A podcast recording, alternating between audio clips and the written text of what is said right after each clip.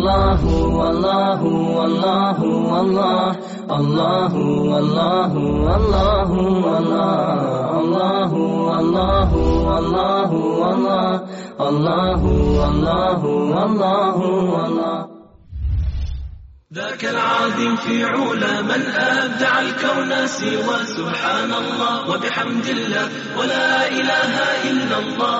ذاك العظيم في علا من أبدع الكون سوى سبحان الله وبحمد الله.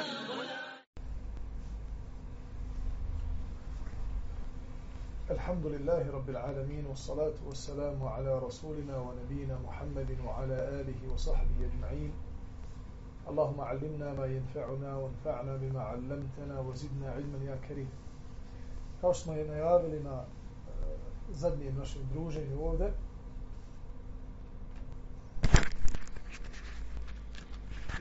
da ćemo inša Allah ta'ala progovoriti nešto o kući Allahovog poslanika sallallahu alaihi wasallam shodno hadisima koje imam Buharija naveo uh, u poglavlju nadmetanja u gradnji.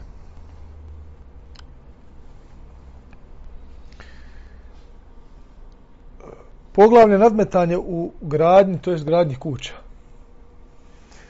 Tako da je Islam se dotakao i ove tematike iz razloga što e, u dini Islamu uvijek se gleda na prioritet. I stvari koje se mijenjaju iz vremena u vrijeme shodno njihovim bitnostima. Islam daje adekvatan odgovor gledajući u stvarnost ljudi, to jeste života u kojem ljudi žive u tom vremenu i tom prostoru. Tako da svako vrijeme i prostor nosi sa sobom prioritete. Sad ćemo vidjeti neke hadise koje govore o nekim stvarima koje su pokuđene, a vezane su za izgradnju nekih prostora, spratova, e, soba i tako dalje, koje nisu koje nisu u potrebi čovjeku. Od Ebu Hore radijallahu anhu da je poslanik sallallahu alaihi wasallam rekao la taqumu sa'atu hatta yatatavala nasu fil bunjan. Neće se desiti sudni dan sve dok ljudi ne budu počeli da se nadmeću u izgradnji kuća. Šta ovaj hadis znači?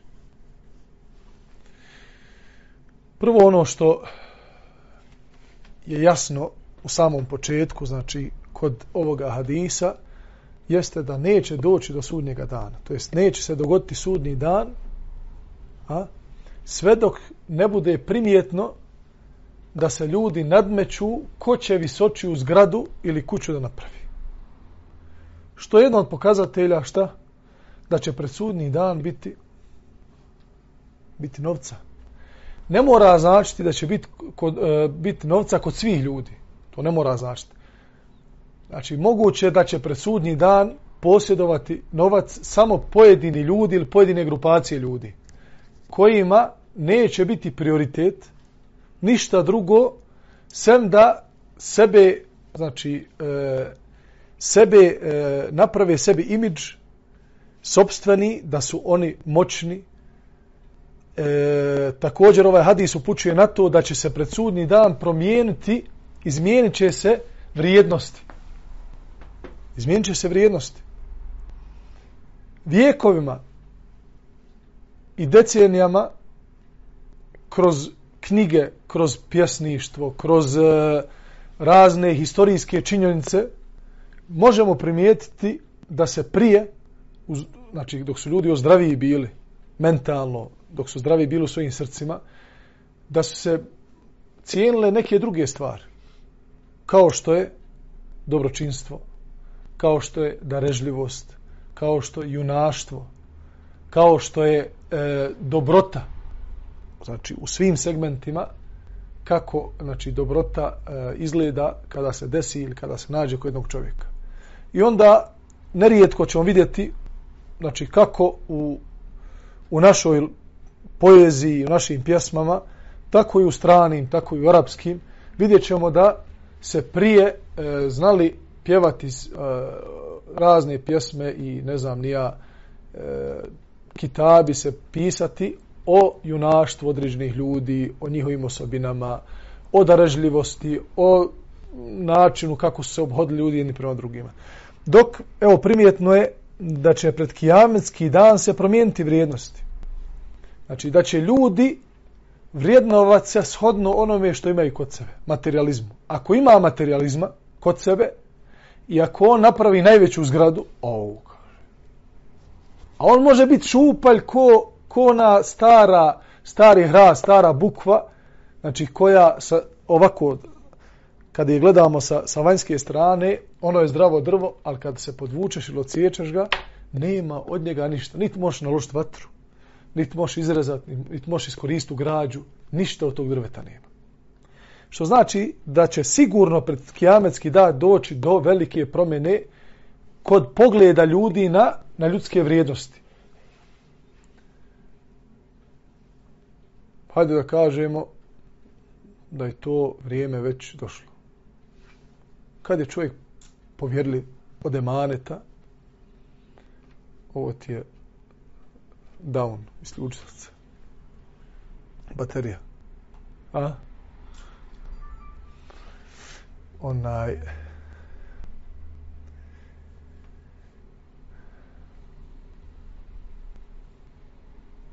Kad je neko istinit od emaneta, neće prevart, neće slagat, reče istinu, pa makar bilo njegovu štetu, kaže, pej, on pojma nema, kaže, kako se danas posluje.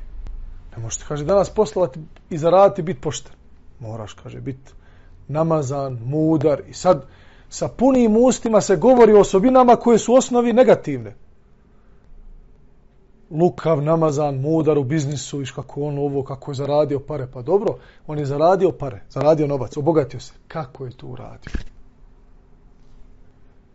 Pregazio stotinu svojih prijatelja da bi došao od bogatstva. Ha? Slaguo i majku i oca. Zakinuo državu. Zakinuo sve što se zakinuti može. I pokrao. I obogatio se. Jel se hvali sa takvim čovjekom? Pogledaj kako kaže uspio mlad. Nije. Ali danas se gleda rezultat. Sad kako je se došlo do toga? Ovo kaže ima dva stana, čarši, ima ovo, ima ono. Pa dobro, kako je steko? Danas se malo u to gleda. Tako da možemo reći da su već ljudi nasjeli na jednu globalnu promjenu koja neminovno, neminovno onoliko koliko se ljudi odalje od vjere i od islamskih vrijednosti, toliko će se zalijepiti oni i njihova srca za materializam, za ovaj svijet, za dunjaluk. I onda su ashabi e, u više predaja prenosili izgled kuće poslanika sallallahu alejhi ve selleme kako bi nam i nama i onima koji e, koji će čuti ove predaje rekli pogledajte kako je živio najbolji Allahov rob. Od kako je Allah Đalešanuhu stvorio nebesa i zemlju. I stvorio ljude i džine. Pa do sudnjeg dana, do kijametskog dana neće se pojaviti niko bolji od Muhameda sallallahu alaihi wasallame niti će iko više vrijediti kod Allaha Đalešanu od Muhammeda sallallahu alaihi wasallam. Do te mjere da na džennetskim vratima piše njegovo ime. Do te mjere da se neće kapije dženneta otvoriti dok, se, dok meleci ne čuju njegov glas kada nazove selam pred kapijama džennetskim. I mnoge druge odlike Muhameda sallallahu alaihi wa selleme koji ga krase, o kojima se može pričati i danju i noću i neće čovjek dati njemu njegovo pravo, jer ga je Allah Đalešanohu najbolje opisao kada je rekao وَمَا أَرْسَلْنَاكَ إِلَّا رَحْمَةً لِلْعَالَمِينَ Mi smo te, o Muhammede, poslali kao milost svim svjetovima. Ta isti naš poslanik, je živio u skromnom u skromnoj svojoj kući sa svojim suprugama. Jedno od tih predaja prenosi se od Hasana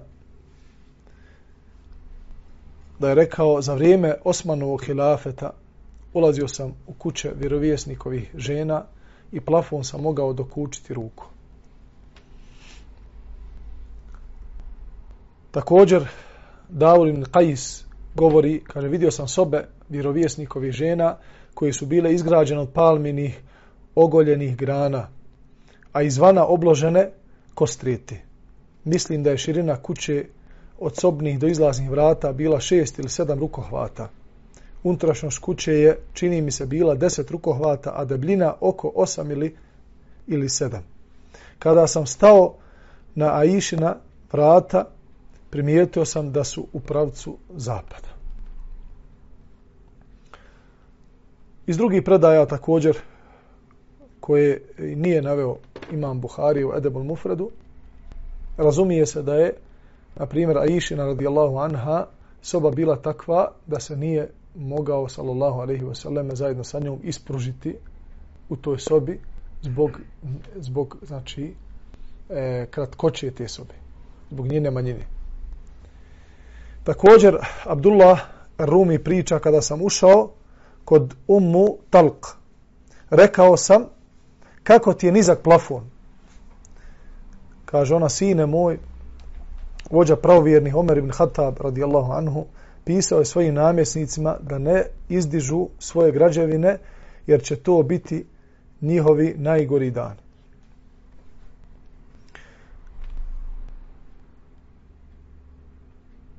Ovako ashabi, jedne od predaja i oni koji su došli nakon njih, prenose o stanju kući Allahu poslanika, ali salatu wasalam, iz razloga što njihove kuće su izgledale bolje.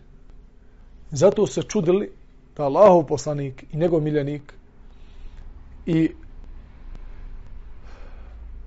osoba koja je spasila čovječanstvo od ponora u kojem je živjela u to dobo, jedan, to jeste naj, najutjecajnija e, osoba e, pod nebeskim svodom, koji je, sallallahu alaihi wasallam, e, sa svojom poslanicom i svojom hijđurom iz Mekke u Medinu, zaista zapečatio veliki korak u historiji čovečanstva. On je živio tako, živio je tako iz razloga zato što je njegova misija bila znači, e, na tom stepenu da nije mogao sebi da priušti da e, može da nešto od ovoga dunjaluka sebi pribavi kako bi na, čak i na dozvoljen način, onako kako i drugim muslimanima je dozvoljeno, to će ta tema e, malo kasnije, da uživa u blagodatima ovoga svijeta upravo zbog toga što je dobio misiju od Allaha Đelešanuhu da prenese Kur'an i Kerim, da prenese svoj sunnet cijelome čovječanstvu, onako kako Allah Đelešanuhu to želi kada kaže uzvišeni Belligh ma unzile ilajk. Znači, o Allahu poslaniče, prenesi, prenesi ono što ti se objavljuje wa in lam taf'al fama ballaghta risalata.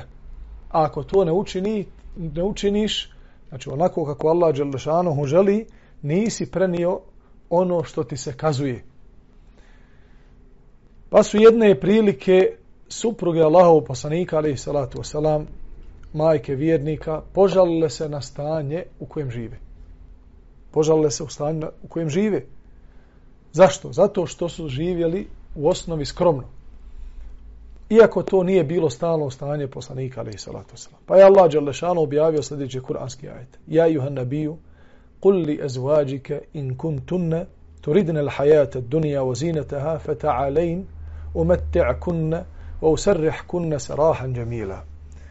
O poslanice, o vjerovjesniče, reci svojim ženama, svojim suprugama, ako želite dunjaluk i njegove ukrase, recite to. Znači, recite da želite ovaj svijet i ukrase. Ja ću vam fino spremiti, odpremiti. Znači, daću vam vaše vjenčane darove, daću vam sve ono što zaslužujete kao razvedene žene. Wa usarrih kunne se rahan. Ja ću vas na najljepši način pustiti. Znači, neću vas pustiti na takav način da, da ruglo na vas bacim i tako dalje. Wa in kuntunne الله ورسوله wa الآخرة wa الله أعد للمحسنات fa inna Allaha a'adda lil muhsinati min ajran 'azima ako želite Allaha poslanika i onaj svijet ahiret pa Allah će onima od vas koje budu dobra djela činili dati ogromnu nagradu što znači o vjerovjesnike, vjerovjesnikove žene, vi niste kao ostale muslimanke. Vi ste majke vjernika. Vi ste supruge posljednjega Allahov poslanika, sallallahu alaihi ve selleme, koje trebaju da budu vrhovni primjer svim vjernicama do sudnjega dana. I zbog toga vidjet ćemo da islamski učenjaci, kada dolaze do te mesele, kako jedna muslimanka treba da izgleda, kakav moral treba da bude od jedne muslimanke, naslonjaju se na e, praksu praksu žena Allahov poslanika sallallahu alejhi ve selleme kako su to one činile da bi i muslimanke uzele primjer od najbolji.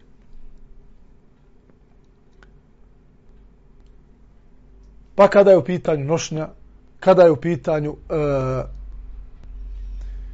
izlazak, kada je u pitanju miješanje, kada je u pitanju namaz, kada je u pitanju sve ono ostalo što nosi žena muslimanka sa sobom od e, posla, od obaveza i došli smo Allahu musta'an u vrijeme feminizma kada žele jednostavno da kažu ženama vi niste žene.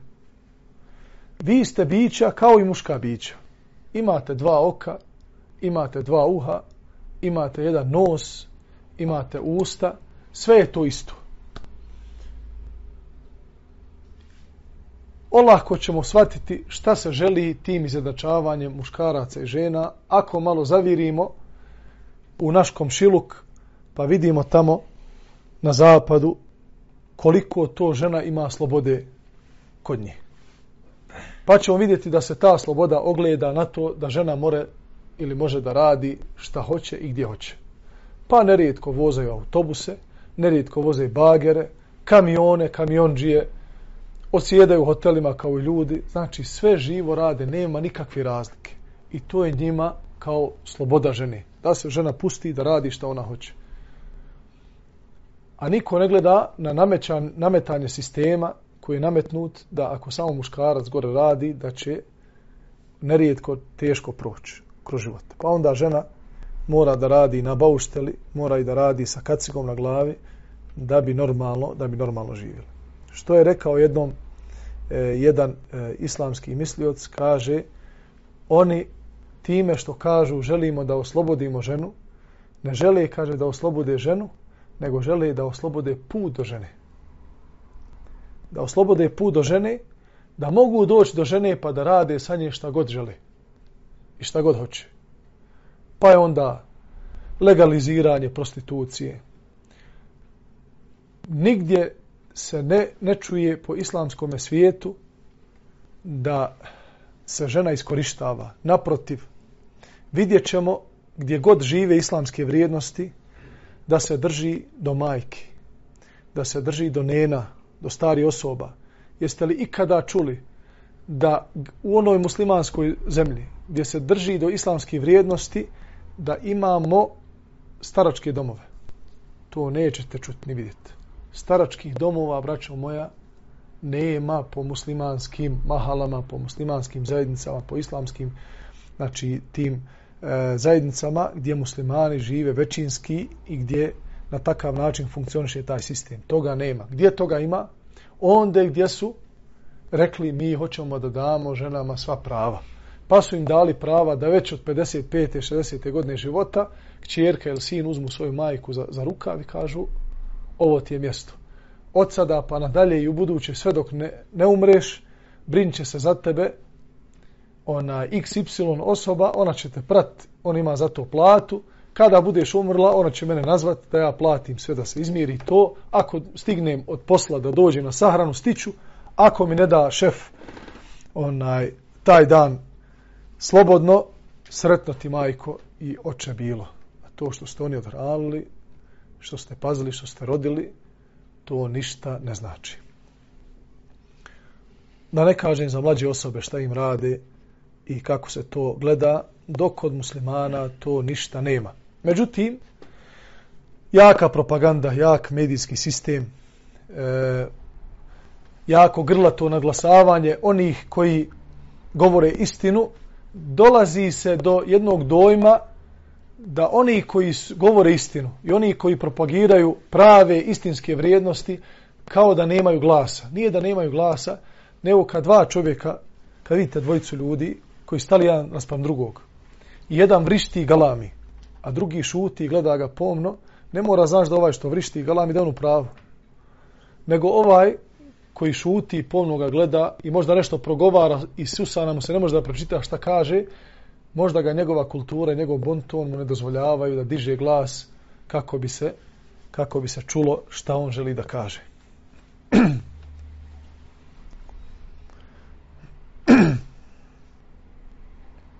Toj.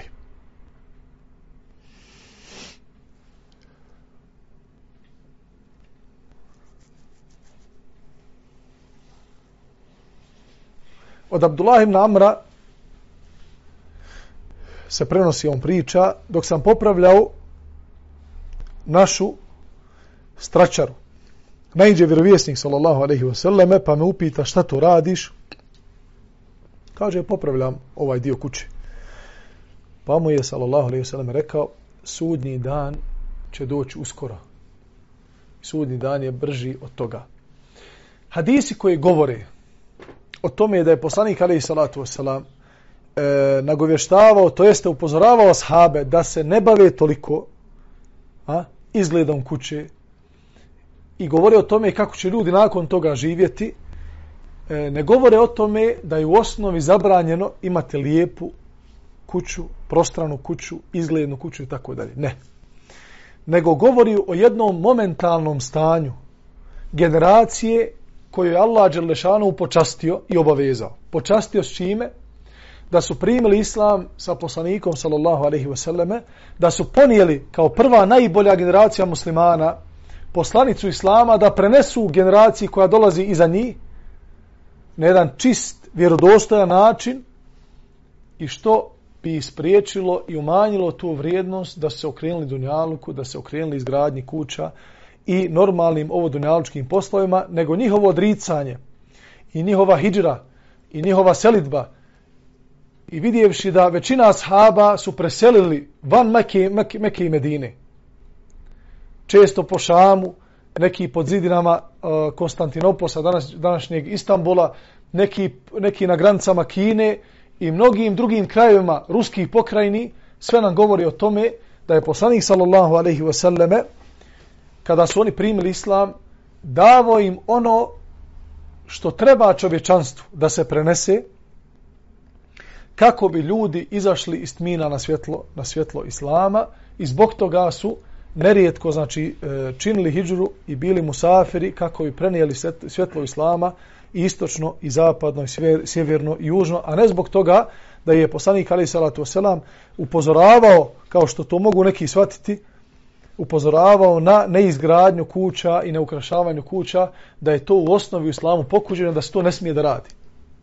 Pa onda lajk pročita ove hadise i kaže, uf, ako je ovo tako, onaj moj bračni krevet i onaj moj namještaj, ja ću da iznesem napolje i da to sve zapalim. I to se desilo jednom našem ahbabu. On mi priča da je to sve jednog dana onaj, onako pročita ove negdje hadise, to je bilo podavno, prije nekih 20 nešto godina. Kupio, sakupio pare onaj kupio bio i, i bračni krevet i ne znam nija vitrine i, i trosjedi, dvosjedi, fotelju i sve je on to iznio na kamaru. U suzama u očima Hanuma to sve ispraća onaj tužno. On uzma upaljač, pali sve to gori. Selo cijelo se okupilo veli šta je bilo? Onaj sad on šta je on njima ispričao zbog čega je zapalio? Helem ne se i kaže ženo idemo sada ko ashabi na Hasurama. Uglavnom se prehladili deseti dan zato što je kod nas hladno, ashabi mogu onaj na Hasuru, zato što je toplo, arapski polotok. Međutim, kod nas, ako zaspiš na betonu, ili na Hasuru, eventualno nema ništa ispod, samo je pitanje dana kad ćeš završiti, znači, na cumu, otkazali bubrezi. I normalno, hvala Allah, on je nadošao, nadošao. Međutim, njegov ders koji je njemu trebao da mu neko održi, da bi on nadošao, je bio skup. Plameni, pola kuće, namještaj i tako dalje. Tako da je taj ders skupo platio. Ali eto, džaba je. I onda on kasnije se onaj, dozvo i Allahom mu. Tako da razumijevanje ovih hadisa je veoma, veoma bitno. Evo pogledajte, na primjer, naredni hadis koji je vjerodostojan, govori o, to, o prostranosti doma. Znači, poslanik sallallahu alaihi wa sallam ashabima govori e, da ne bi trebali da se zanimaju toliko znači popravljanju kuća, eh, izgled, ovako, ova stora, ova, zato što imaju veću misiju od toga. Treba prenijeti svjetlo Islama e, cijelome čovečanstvu, ali u osnovi poslanik sallallahu alaihi sallam u hadisu kojeg prenosi Nafja,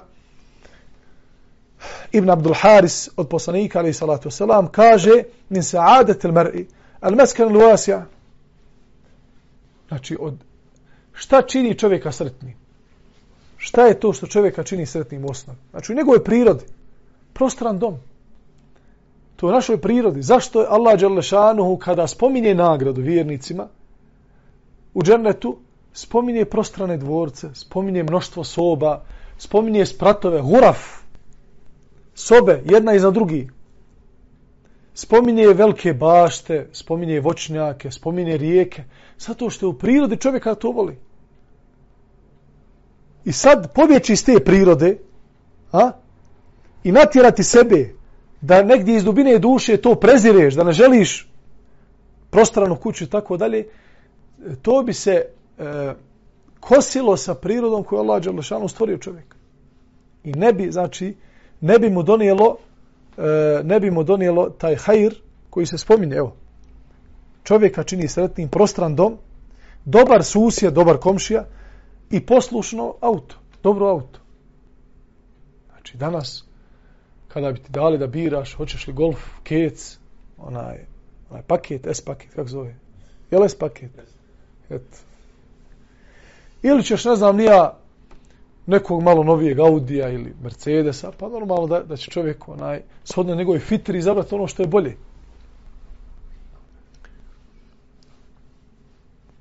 Poglavlje ko izgradi sprat. Evo ovako poglavlje imam Buharija navodi od Sabita kaže da je bio sa Enesom u mjestu Ezeuje na spratu njegove kuće.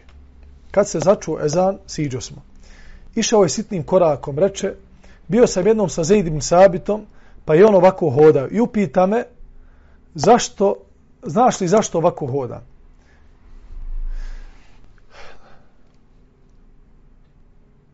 Znači, Sabit,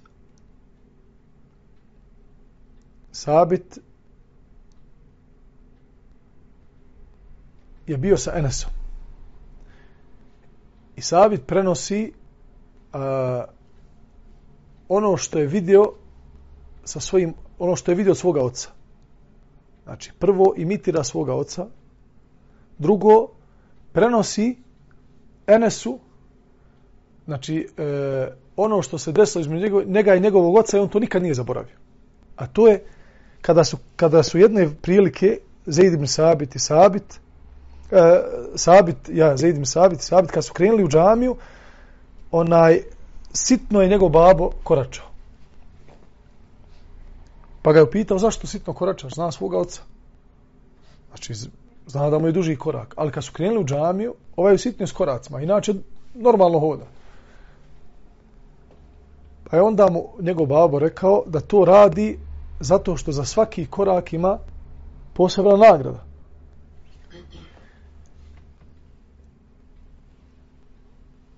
I pogledajte ovdje šta kaže. Bio sam jednom sa Zaidim Sabitom, pa je i on ovako hodao i upita me, znaš li zašto ovako hoda? Ponekada, ponekada ćeš čekati da te neko pita nešto. Ali ako vidiš hajrli insana, za kojeg znaš u osnovi, da je takav da hoće da primi istinu. I hoće da nadogradi svoju ličnost. Pogotovo mlađa osoba. Znači, znaš od njega da je žedan, dadni mu prije što te pita. Dadni mu prije što te pita. I to je bila jedna od metoda poslanika, ali i salatu wasalam, sa kojim je podučavao ashabe. Pa bi znao pitati neka pitanja. Da bi nakon toga dao odgovor. Ne pita, bi, ne pita ih da oni odgovore. Zbog toga su ashabi, znajući za tu metodu, govorili, kada ih nešto pita, Allahu poslanik, govorili Allahu wa rasuluhu a'lam. Allah i njegov poslanik najbolje znaju. Pa bi onda Allahu poslanik davao, davao odgovor i podučavao ashabe. Pa on kaže njemu,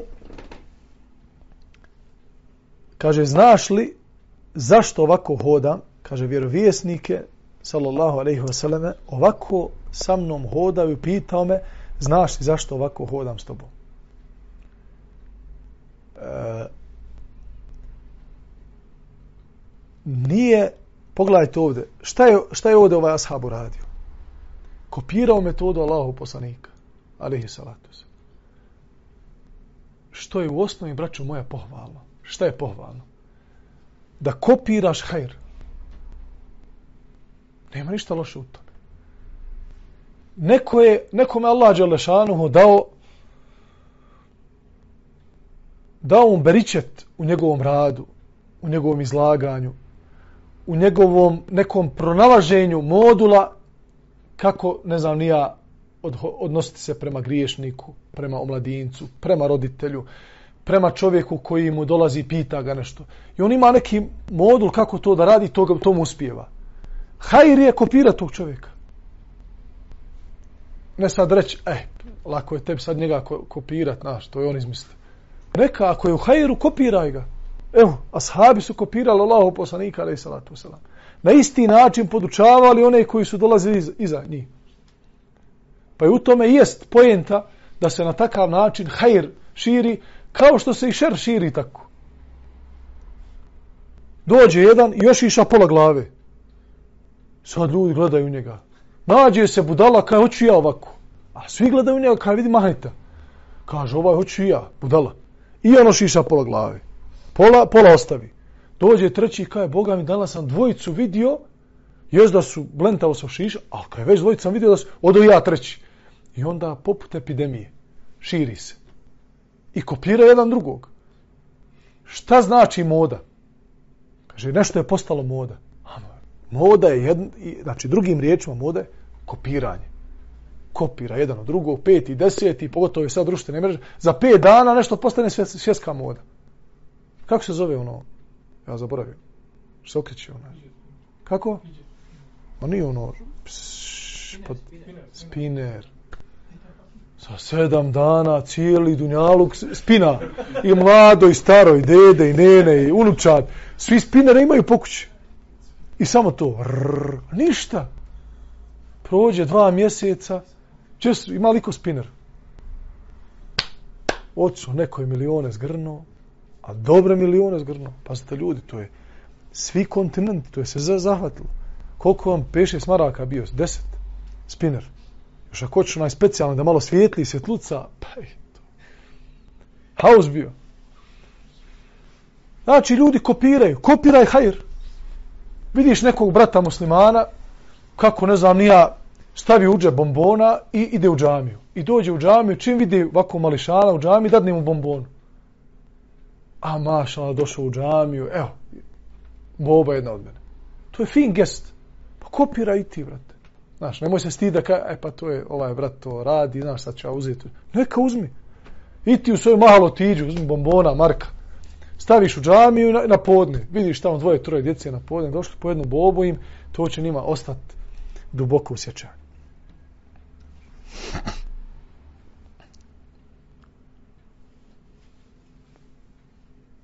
izrađivanje dekora na građevinama. Od Ebu Horeire radijallahu anhu se prenosi da je sallallahu alaihi wasallam rekao sudni dan će nastupiti kad ljudi počnu graditi kuće slične jemenskim ogrtačima. Kakvi su bili jemenski ogrtači u to vrijeme? Vrijeme e, bili su poznati po tome da su bili protkani u raznim bojama. Dobro sada, da li ovaj hadis govori o tome da je sada pokuđeno staviti tapeta? Ili one store ukrasne, šarene? Ne govori. Imate, braćo, e, preznake sudnjeg dana, preznak sudnjeg dana, ali dobar. Imate preznake sudnjeg dana neutralne. Nije ni dobro ni loše, dozvoljene. Ali je preznak. Imate preznake sudnjeg dana koji su zabranjene. Dobro, gdje su nam dokaz? Dobar preznak sudnjega dana pojava poslanika sallallahu alejhi ve sellem. Jedno od preznaka sudnjega dana da će se pojaviti nepismeni poslanik koji neće znat pisat, ha? koji će biti poslan cijelome čovječanstvu.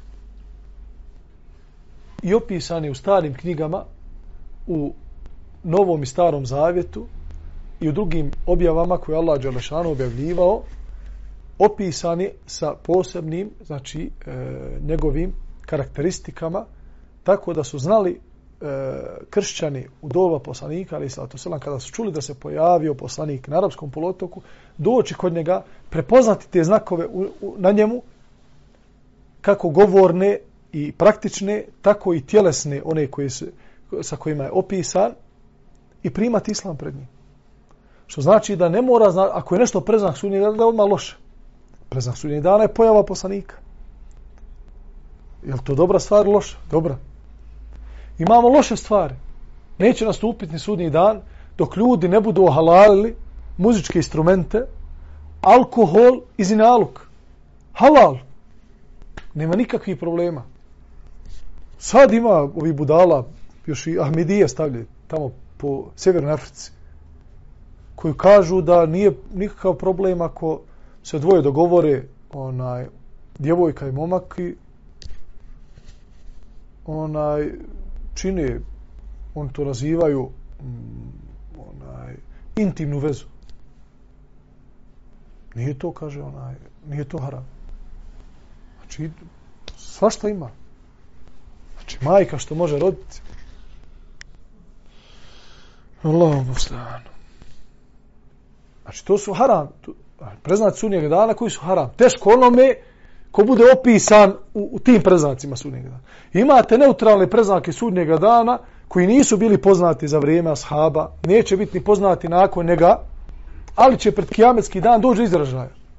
Moda, koja nikad neće zastariti. Da ukrasiš prozore nekim onaj stvarima, tapete, dekori, svako ima svoj neki sistem. Ovi hoće plafon, ovi kažu hoćemo žuto-crveno. Ukrašavanje zidova.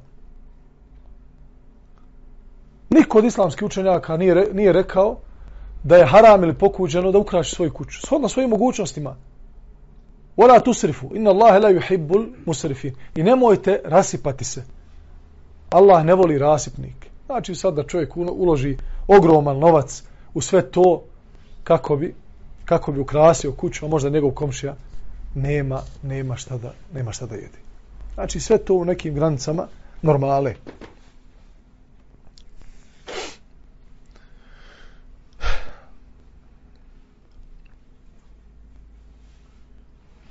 I navešćemo od Varrada to je bio od uh, Mughire ibn Šu'be pisar.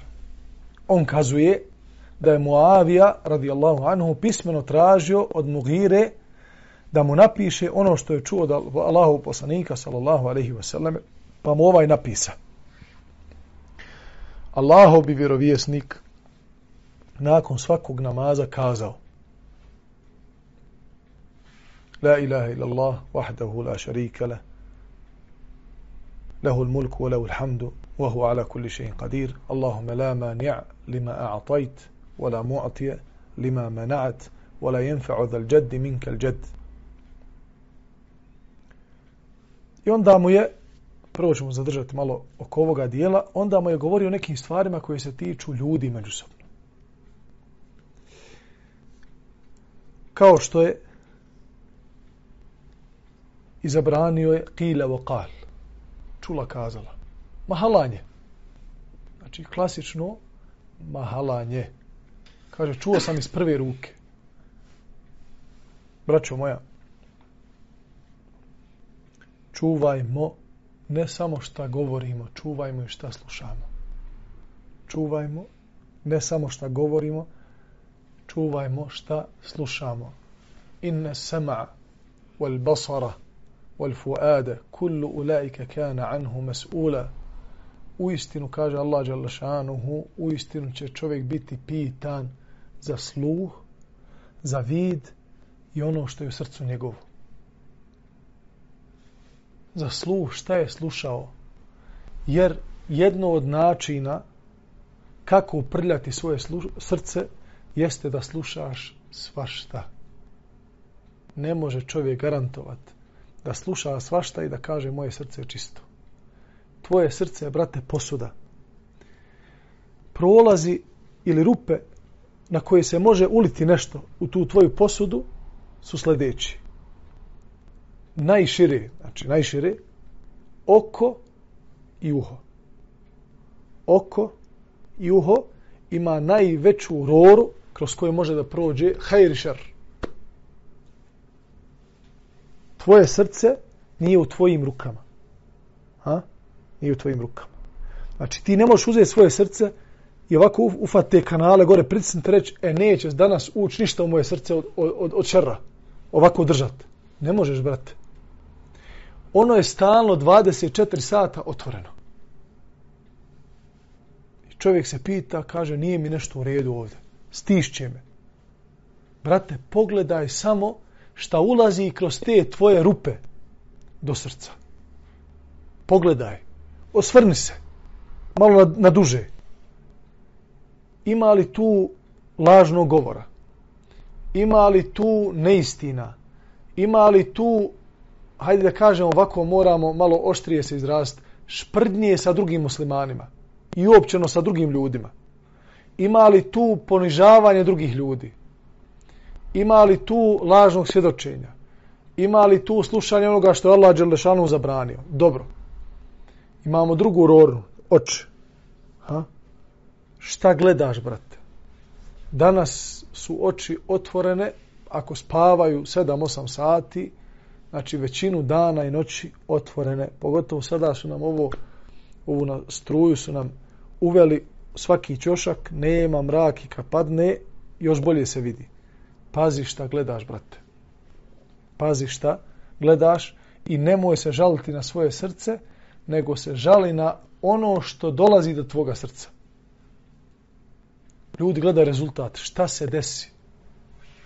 Nemoj gledat rezultat, gledaj uzroke.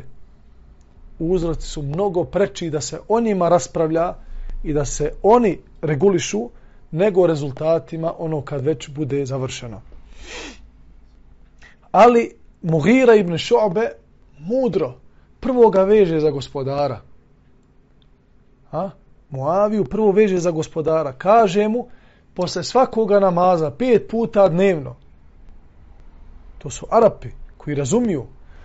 Mi ćemo reći, pa dobro, ajde da mi napiši onaj, koja je to dova.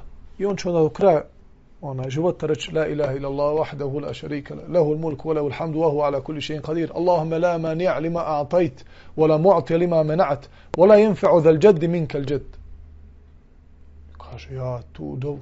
Šta znači ta dova, brate? kaj ne znam, Bogan privod moram pogledati. Mughira ibn Šu'be Muavi šalje na jasnome arapskome jeziku, bilisani na arabiji mubin, kaže mu, nema drugog Boga sem Allaha, nema sudruga. Znači, hoćeš da se osloniš na nekoga, sloni se na Allaha. Tražiš nešto od nekoga, traži od Allaha. Hoćeš da se sloniš u nečije okrilje, sigurnosti, snage, moći, odluke, sudbine, osloni se na Allaha i sakri se u njegovo. On je samed, on je fard, on je onaj koji nije rođen i rodio nije, nikomu ravan nije. La šarika lehu mulku wa lehu hamd, njemu pripada vlast i njemu pripada zahvala, wa huwa ala kulli shay'in qadir, on sve može. Posle svakog namaza, o Muavija, reci Allah sve može pa dobro, oni su nas ovako, a mi smo njih ovako, pa ne možemo. Allah sve može. Ekonomska kriza, pomrijećemo svi, Allah sve može. Ha? Ljudi su svi propali, nema šanse da se ljudi ponovo vrate uputi, Allah sve može. Majka mi ne klanja, neće 15 godina joj govorim da klanja, neće da klanja, Allah sve može. Čerka mi se nije pokrila, neće ostavi hijab, Allah sve može. Sin ne klanja redovno, Allah sve može. Komšija mi čini zulum, nepravdu, nepravedane prema meni, čini ovo ono, Allah sve može. Wa huwa ala kulli shay'in qadir. Allahumma la mani'a lima. O Muavije, ako ti Allah da, ako ti Allah da, nema tog čovjeka na istoku i na zapadu, nema te opcije, tog zakona, te vojske koja ti može to uzeti. Allahu, uh, Allahumma la mani'a lima atajt. Allahu moj, nema nekoga da bi zabranio nešto ako ti to dadneš. Wala mu'tije lima mena'at. Niti može iko, ikome nešto dat ako si ti nešto uskratio. Wala yenfa'u dal jaddi minka al jadd. Nema koristi osim ako Allah Đelešanu dozvoli da ta korist dođe do čovjeka. Porani ujutru, slomi se, oće koljena da, da mu se izbiju trčeći na posao. Je sklanjao sabah? Kaže, nemam vremena, moram na posao. Moraš na posao da zaradiš šta? Ono što je u Allahovim rukama. Moraš na posao da zaradiš ono što se nalazi u njegovim riznicama. Moraš da posao, na posao na vrijeme, pa nisi klanjao da, klanja, stigao da klanjaš saba, da bi stekao ono što neće doći do tebe, osim ako Allah dozvoli ali to ko shvati da to mu je veliko dobro. Zatim, nakon toga, zna Mughire ibn Šo'be koliko je, braćo moja, vrijedno da čovjek pored znanja kojeg ima, pa ima ljudi imaju znanje. I može se za njega reći, ovaj čovjek ima znanja. Ali ima ljudi, imaju znanja, ali se ne može za njega reći da ima fiku znanju. Razumijevanje tog znanja ono što je krasilo ashabe jeste da su imali znanje i imali su razumijevanje u, znanja, u znanju. Šta to znači? To znači da nećeš doći pekaru, nećeš doći pekaru i pričat mu kako on treba da bude pravedan vladar. Kakav pravedan vladar čovjek mijesi. Njemu govori o poštenju, brate. Njemu govori o poštenju. Kako će Allah Đelešanu poštenima dat beričet u njegovom poslu kako će Allah Đelešanu one koji su pošteni, koji nisu varali, upisat među one koji su vrijedni, pošteni, kako će im ovo? Suprotno toga, kako Allah Đelešanu neće da da uspiju, ne uspiju onaj varalice, oni koji lažu i tako dalje. A kad dođeš pred, pred vladara, kaže Mughir ibn Šobe, odmah nakon što ga vežeš za Allaha Đelešanu, kaže, I Allah, Allah poslanik nam je zabranio čula kazala. Zašto? Zato što nerijetko vladaru, oni koji žele da mu se podližu pod kožu, dolaze i kažu, a čuo što je ovaj rekao za tebe? Da on sebe odvoji pa da mu se približi.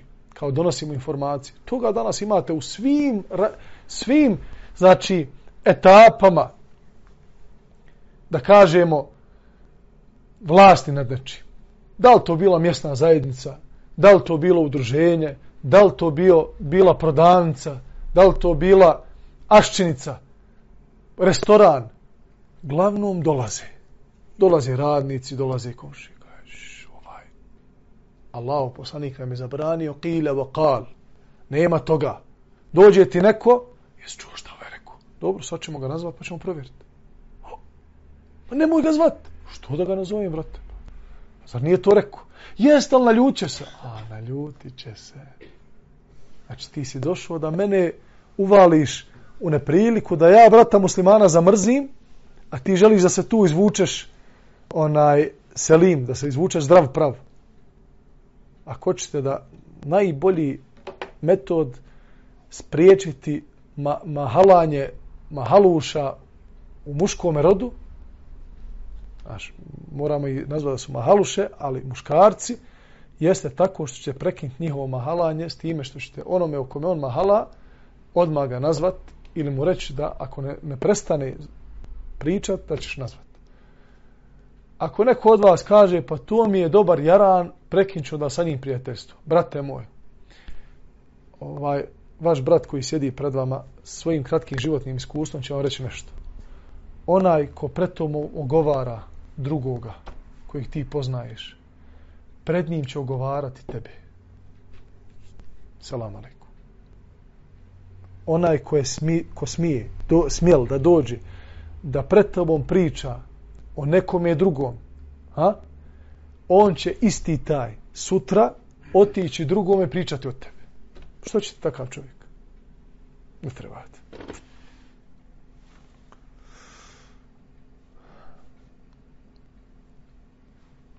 Mhm. Dobro. Kethratu su'al wa idaatul mal. Također nam je poslanik ali salatu selam zabranio puno ispitivanja. A svaka sitnica stotinu pod pitanja. Brate moj, obožavaj Allaha dželešanuhu. Islam je lahak. Klanjaj pet vaka. Pa dobro, ja klanjam. Ali ako mrdnem desnim ramenom, jel to znači ja sam se ja malo odvojio od kible ili se ja moram vratiti prsima, da li se mora isprsti ili... Polako, polako. Znači, Allah Đerlešanuhu ha, je učinio ovom vjerom prostranom, lakom. Za sve ljude. Znači, islam je, braćo moja, za sve ljude. I one koji završili školu, i one koji nije završili školu. I oni koji rade po cijel dan. I oni koji ništa ne rade u kući. Koji je sila teže stalo stalno vuče prema dole. Samo da im je spavat. Za sve, ali, I za njega islam. Ustani, brate moj, pet vakata namaza, hoćeš da se povežeš sa gospodarom svjetova, pet puta moraš danas klanjati. Pet puta danas. I ti, ti si lijenčina, jel? Na jaslama svog babe i svoje majke. Hoćeš tako da provedeš cijeli svoj život, Allah ti bude na pomoći. Ali klanjati moraš.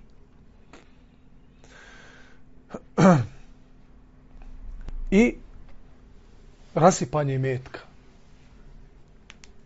Moavi to šalje zato što Moavija je u Šamu, glavni, namjesnik muslimana, halifa, pare kod njega. Mughira ibn Šobe mogao mu je da prenese neke druge hadise. A nije htio. Osim ono što zna da treba onome koji je nadređen. To je fiku vjeri, braćo moje. Da čovjek zna šta će reći, gdje će reći i kome će reći. Dođeš situaciju kada nekome ne treba ništa reći. U tom momentu. Ništa. Ej, sad ništa mu ne treba reći. Cijelo poglavlje u Akajdu ima, braćo moja, dozvoljenost skrivanja određenih određenog znanja, ako nije vrijeme mjesto da se to kaže. Hadithu nase bima jefhamun. Eto hibbuna ju kedzeb Allahu Rasulu. Jer dostan hadis. Kaže Ali salatu wasalam. Pričajte ljudima ono što razumiju. Dođeš čovjeku sa tri, četiri raza osnovne škole, ti mu podigao filozofski nivo tamo, ovjeri, on jedni koluta očima, kaže, to je islam, e, Boga mi, ja to ništa kod vas, od vas ne razumijem. Prate, spustimo. Spustimo govor. Dolazi, dolazi, znači, poslanik sa Seleme, do Beduina, seljak čovjek, čuva one devet cijel život. Ha? I pričaju o gospodaru svjetova. Kaže ovaj Beduin, Kaže ovaj brabonjak, što ja vidim na, na, na kako se zove, na putu, mi ukazuje da postoji neko koji je ovo sve stvorio. Kaže, kako? Pa kaže, on je dokaz da je prošlo ovdje deva. A deva je dokaz da u njoj ima života, da se kriječi. A taj život nije nastao tek tako. Znači, taj život je neko morao da dadne onaj ko daje život i smrt. Pa njeno postoja, njen život i njen hod i savršeno njeno stvaranje kako je Allah Đelšanu stvorio, kaže, govori o tome da postoji tvora nebesa besa i zemlje. Sad ti njemu nekoj filozofiji pričat, pa dokazivanja, pa kosmos, kako je to počelo, kako je sve eksplodiralo, on beduin gleda u tebe. On ne zna, on zna za devu bolan, zna za izmost mlijeko, nemoj njemu o tome bolan. čovjek pregorit će mu. Ne može. Znači, pričajte ljudima ono što razumiju. Zar bi volili, kaže Allah poslanik sallam, zar bi volili da neko baci laž na Allah i poslanika? Da to nije istina. I onda na, na ovo se nadovezuju razne teme, braćo moje. Razne teme. Da danas muslimani sebi daju luksuz, ne znam nija, da postale vide kako mačka nije stala na mushaf. Dođe čafir i kaže, pa mačka inače izbjegava ako nešto ima ispred nje, hoće da na normalno tlo da stavi. Pa. Ili, ne znam, nija stavljaju ovakve ili onake klipove, ne znam, da, da su dva goluba onaj, e, razbacano bilo, ne znam, nija onaj, e, zrnevlje, pa se od toga napalo riječ Allah. Neko je napisao u zrnevlju na arapskom Allah, snimio kako dvije ptice slijeću i to jedu i stavio, montirao onaj video unazad. I kad montiraš video unazad, šta se desi? Od onoga kako su one jele, pa su ra razasule to zrnevlje, neko pojele, neke su, neko su razasule svojim krilima, dešava se to da gledaš onaj ptice koje šta rade? Od e, uh, razasutrog zrnevlja skupljaju ga u svojim kljunovima i pravi riječ Allah. Kaže, subhanallah. Ptice, kaže, napisao riječ Allah. Pa ljudi, hoće, će, će neko napusti vjeru zbog toga. Nisu ljudi, ona inteligencija, 12, ona IQ, kako banana. Banana ima 12. Ima ljudi, ima i 10. Čaba je. Nemojte ljudi. I onda brat musliman šira kaže, subhanallah, stavi se. Samo ga izbriši s prijatelja i se ne skiraža.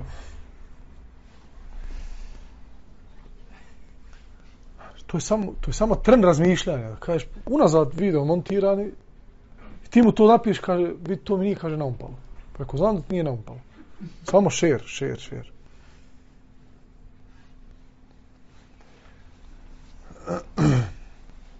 Zabranjivao je neposlušnost prema roditeljima, zakopavanje živih djevojčica, nadavanje onoga što se treba dati i polaganje računa na ono na što se nema prava.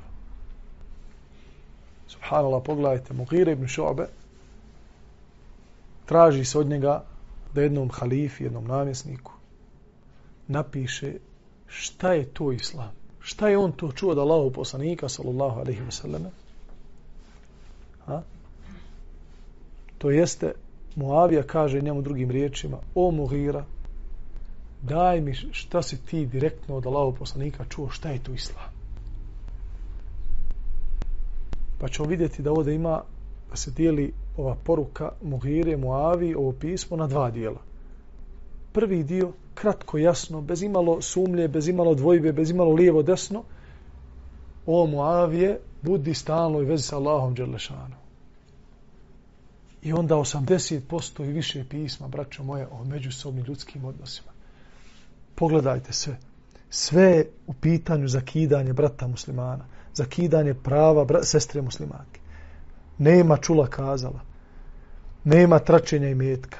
Nema previše zapitkivanja. Ne smiješ, ne smiješ roditeljima zulum načiniti. Ne smiješ im biti nepokora. Zakopavanje djevojčica. U isto vrijeme ne samo zakopavanje živi djevojčica. Znači, e, odgoja djeci, zapostavljanje onaj školovanje djeci i tako dalje. Ne davanje onoga što, što treba dati. Znači sve među ljudima kompletna jedna cijelina islama koji nas uči da je islam i u džami i u kući, na ulicu, na ulici i na poslu i na svakome drugome mjestu 24 sata. Molim Allah Đalešanu da nam se smiluje, uputi na pravi put, oprosti grijehe i uvede nas u dženete sa poslanicima, šehidima i dobrim ljudima. Aqulu qavli hada wa stakfirullahi li oleku. Mm. mm.